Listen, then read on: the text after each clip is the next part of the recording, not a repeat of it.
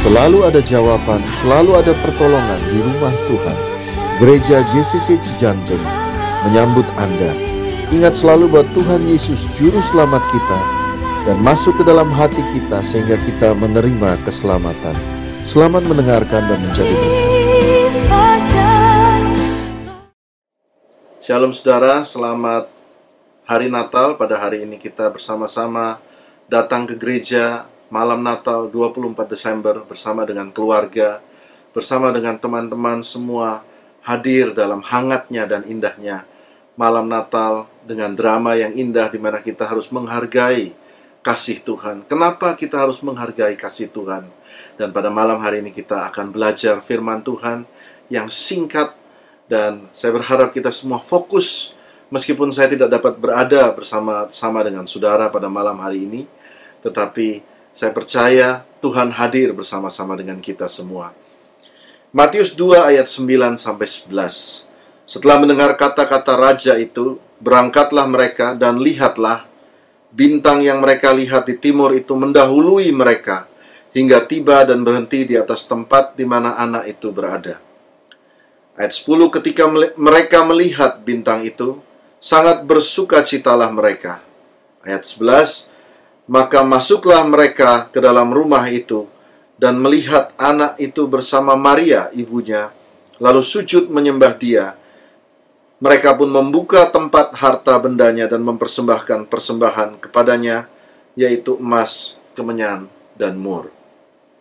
Saudara, betapa indahnya kisah Natal. Kita mengingat akan Tuhan Yesus, lalu raja-raja orang Majus datang mempersembahkan emas, kemenyan mur, lalu kita melihat budaya yang terjadi di dunia saat ini kita melihat pohon Natal yang indah, lalu uh, keluarga berkumpul, ada yang tukar kado, mengucapkan selamat Natal, semua seperti sempurna. Tetapi saya harus bercerita sedikit kepada saudara latar belakang daripada gereja ini. Keluarga yang sempurna terlihatnya ternyata di belakangnya tidak terlalu sempurna. Saya mengembalakan gereja ini bersama dengan istri dan juga kami ada seorang putri bernama Joy. Nah, awal dari pengembalaan ini dimulai daripada tante Beta, yaitu tante dari kita. Dia berjuang e, memperjuangkan gereja ini dari sejak mudanya. Lalu gereja ini mulai terbentuk.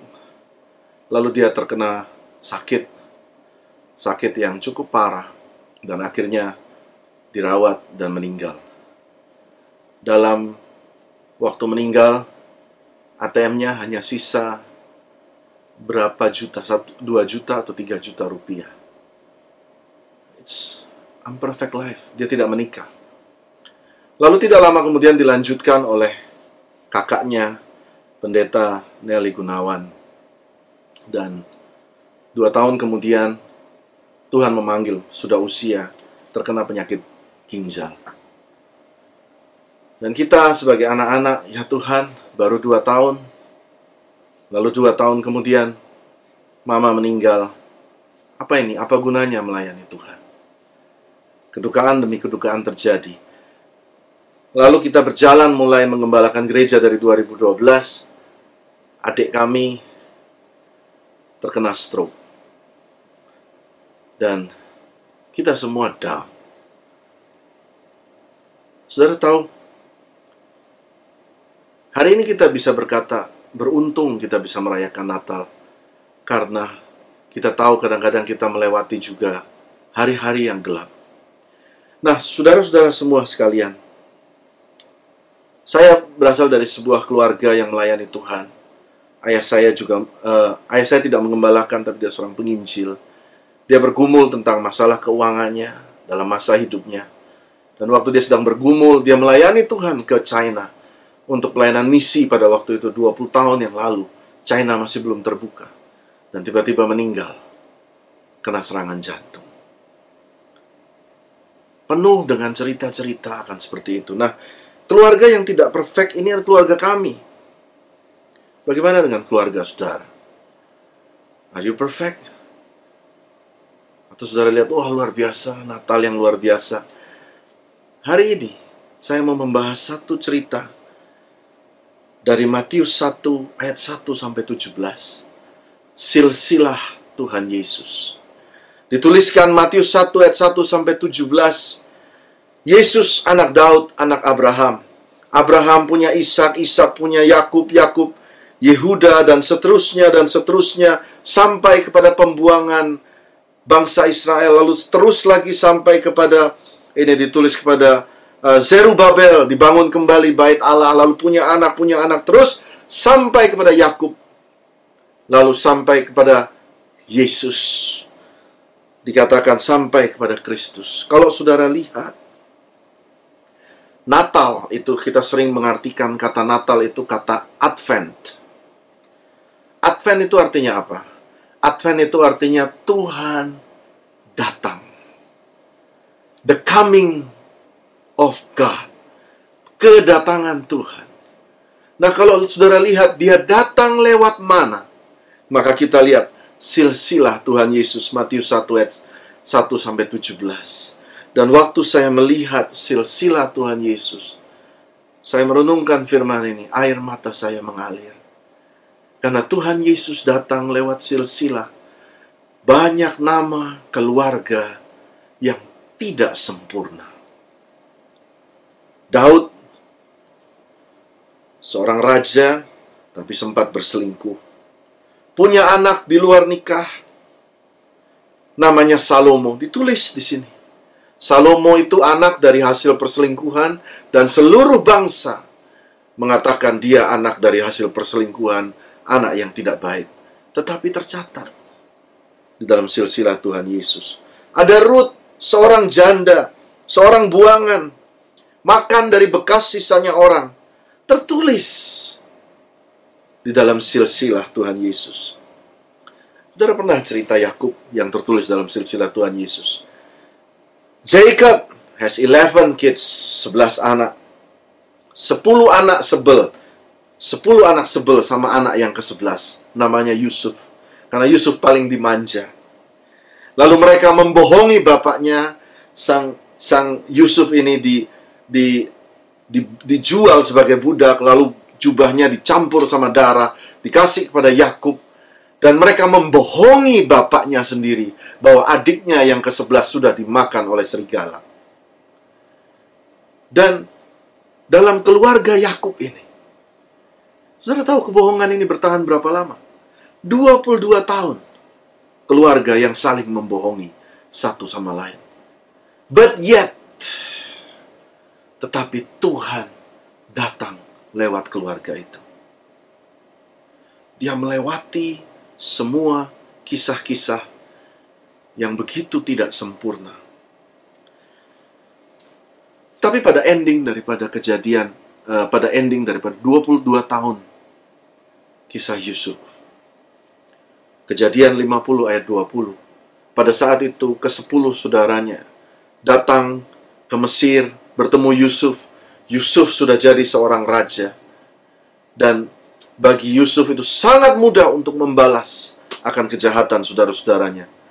Di situ mereka berkata, "Tolong jangan engkau balaskan dendamu kepada kami." Dan Yusuf berkata, Kejadian 50 ayat 20, kita lihat ayat ini dikatakan, "Apakah kamu kira aku adalah hakim yang dapat menghukum kamu?" kata Yusuf. Padahal dia punya kekuatan seperti itu. Dan Yusuf berkata ayat 20, "Memang kamu telah mereka-rekakan yang jahat terhadap aku. Tetapi Allah mereka-rekakannya untuk kebaikan." Saya ulangi lagi ini buat saudara. Memang mungkin engkau tidak sempurna, berasa semua buruk. Tetapi Allah mereka-rekakannya untuk kebaikan. Di hari yang hari Natal ini, poin yang pertama, saya mau berbicara pada orang yang real saja, saudara. Di tengah-tengah ketidaksempurnaan, saudara boleh berkata, meskipun buruk, Allah masih merencanakannya untuk kebaikanku.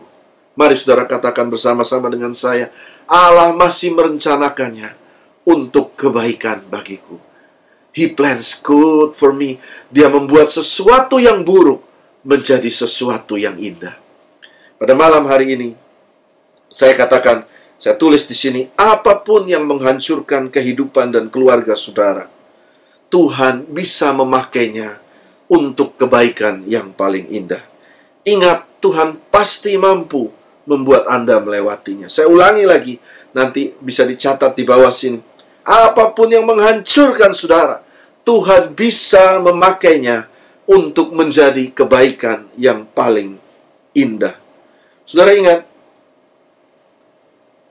aduh maaf saudara, saudara ingat Yakub, kisah Yakub. Yakub itu lari ke sana kemari, tipu sini, tipu sana.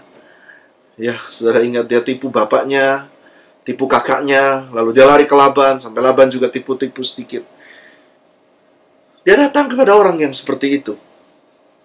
Kita melihat silsilah pohon keluarga daripada Tuhan Yesus. Kita tahu bahwa Tuhan datang kepada orang yang tidak sempurna.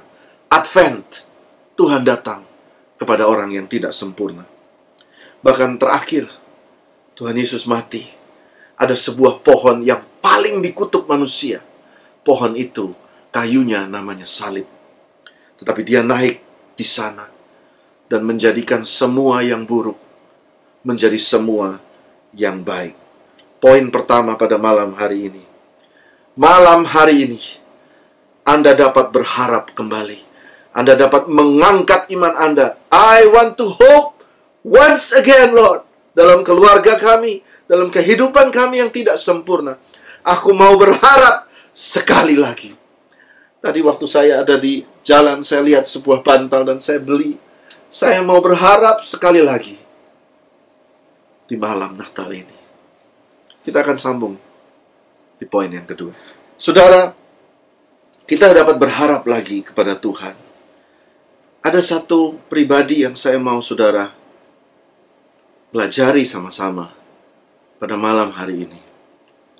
Di dalam silsilah Tuhan Yesus, ada seorang wanita bernama Rahab.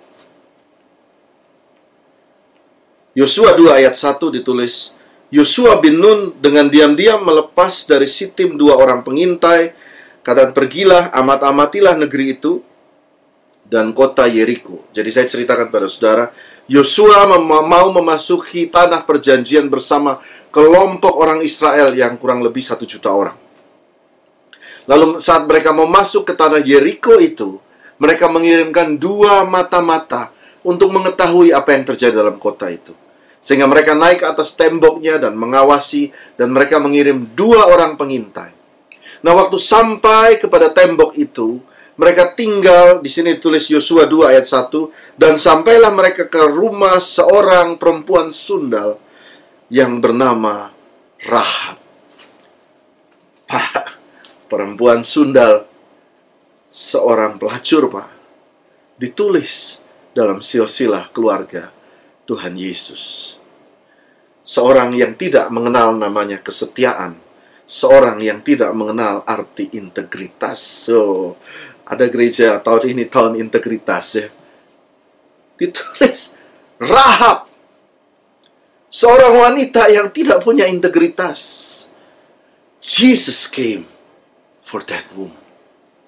Ada ditulis. Nah, saya mau saya mau kita membahas lebih dalam. Lalu mereka datang kepada Rahab dan Rahab menyembunyikan mereka. Lalu pada waktu mereka pulang, pada waktu mereka pulang, maka Rahab berkata kepada dua pengintai ini, "Tolong, jangan sampai saya mati juga, karena kami mendengar kabar tentang bangsa Israel sangat mengerikan tolong selamatkan saya. Dan perkataan daripada uh, para pengintai ini luar biasa.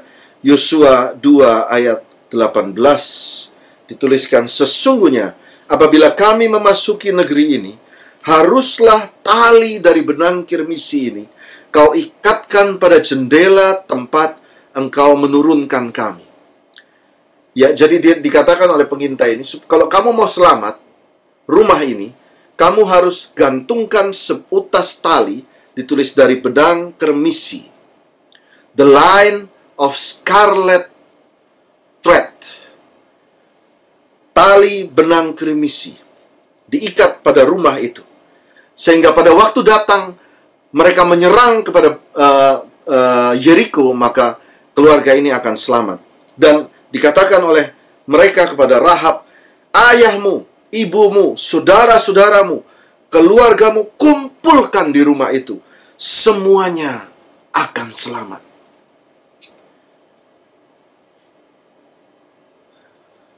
Apa ini maksudnya? Saya jarang membahas ini dan ditulis tali benang kermisi itu seperti ini. Warnanya merah. A scarlet thread. Warnanya merah, gantung di rumah. Saudara tahu, bagus juga kalau kita gantung ini di jendela rumah di Natal. This line dikatakan satu tali, satu tarikan tali dan ditulis benang kirmisi. Jadi artinya tipis. Saudara tahu bahasa Ibraninya tali benang kirmisi ditulis tali itu tikva. Kata tikva itu artinya hope atau harapan. Waktu dia gantung di rumahnya yang sundal itu. Hope itu tipis. Hampir gak kelihatan orang. Mungkin engkau sendiri sudah gak bisa membedakan hope, harap, atau pasrah. But keep on, put it. Tetap taruh. Di rumahmu masih ada satu benang berwarna merah untuk berharap engkau selamat. Dan mereka dituliskan semua, mereka semua selamat. Saya mau saudara baca Ibrani 6 ayat 19. Dituliskan bahwa pengharapan itu adalah sauh yang kuat dan aman bagi jiwa kita. Yang dilabuhkan sampai di belakang tabir. Dan dilanjutkan ayat ini dikatakan, waktu harapan ini engkau lemparkan kepada bait Allah di dalam sana ada imam besar yang menangkap harapan itu. Ada satu imam besar yang masih tangkap harapan itu. Nah, saya mau cerita tentang tali benang kermisi ini. Tali benang kermisi ini tipis. Harapan itu kadang tipis. Ini gimana ya ceritanya? Uh, Rahab selamat. Tali ya, ini benang turun ke bawah. Rahab selamat. Lalu dia menikah dengan seorang Israel. Dia menikah, dia punya anak. Namanya Obed. Obed punya anak. Namanya Isai. Isai punya anak. Namanya Daud. Daud menjadi Raja Daud yang paling terkenal di seluruh kisah orang Israel. Raja Daud menjadi nenek kakek moyang kakek moyang daripada Tuhan Yesus. Cerita garis ini mengubah kisah seorang perempuan sundal menjadi keturunan bangsawan, saudara. Nah, yang menarik kenapa saya cerita Scarlet, The Scarlet Thread atau kisah benang kirmisi Kita biasa tulis berkata, Sekalipun dosamu merah seperti kermisi, maka Tuhan dapat membuatnya putih seperti salju. Betul ya? Dan saudara tahu, waktu Tuhan Yesus mati di atas kayu salib, sebelum dia mati, dikatakan para prajurit Roma mengambil jubahnya, lalu memakaikan dia sebuah jubah yang menurut kitab Yohanes dan Lukas, jubah itu berwarna ungu. Ini ingat baik-baik ya, ungu. Tetapi kalau saudara baca Matius, Matius 27 ayat 28, ditulis mereka menanggalkan pakaiannya dan mengenakan jubah ungu kepadanya. Nah, saudara baca ini ayatnya di sini. Kata ungu di sini, di dalam kitab Matius, ada bahasa Inggrisnya, Matthew 27 verse 28. They strip him and put a scarlet robe on him. A scarlet robe on him. Jadi dia bukan ungu ternyata. Warnanya merah seperti benang yang ditulis di dalam kisah Rahab. Kenapa disebut ungu oleh Yohanes dan Lukas? Karena dia bercampur dengan darah merah, jadi kelihatan seperti ungu. Jadi tali kermisi itu, saudara masih bisa taruh harapan saudara kepada Tuhan Yesus. Saudara masih bisa taruh harapan saudara pada Tuhan Yesus. Saya percaya firman malam hari ini cukup buat kita. Dan mari kita berdoa. Tuhan pada malam hari ini kami menaruh harapan kami sekali lagi kepadamu Tuhan. Terima kasih Tuhan pada malam hari ini. Dan apabila ada iman kami yang mulai gugur pada malam hari ini, buat saudara sekalian yang membutuhkan Tuhan Yesus, saudara boleh angkat tangan saudara Saudara boleh angkat tangan saudara dan berkata, Tuhan Yesus, aku mau menerima engkau kembali sebagai juru selamatku pada malam hari ini dan sampai selama-lamanya. Dan pada malam hari ini Tuhan, seperti Rahab, atas nama keluarga kami, kami mengangkat harapan kami pada keluarga kami yang tidak sempurna ini. Sekali lagi kami mau berharap, selamatkan kami Tuhan Yesus. Kami dan seluruh isi keluarga kami. Buat kami, istri, anak-anak, anak cucu kami, bahkan orang tua kami, saudara kami. Tolong satu rumah kami diselamatkan dan kami taruh tali benang kirmisi ini supaya Tuhan yang pegang di ujung satunya. Dan kami percaya malam Natal ini kami menerima kabar baik dari Tuhan. Kami menerima kasih termulia daripada Tuhan kasih yang mahal harganya. Terima kasih Tuhan Yesus. Berkati kami semua pada malam Natal ini. Dalam nama Tuhan Yesus. Hamba lepaskan berkat Natal ini kepada kita semua. Amin, amin, amin, amin. Tuhan Yesus berkati saya.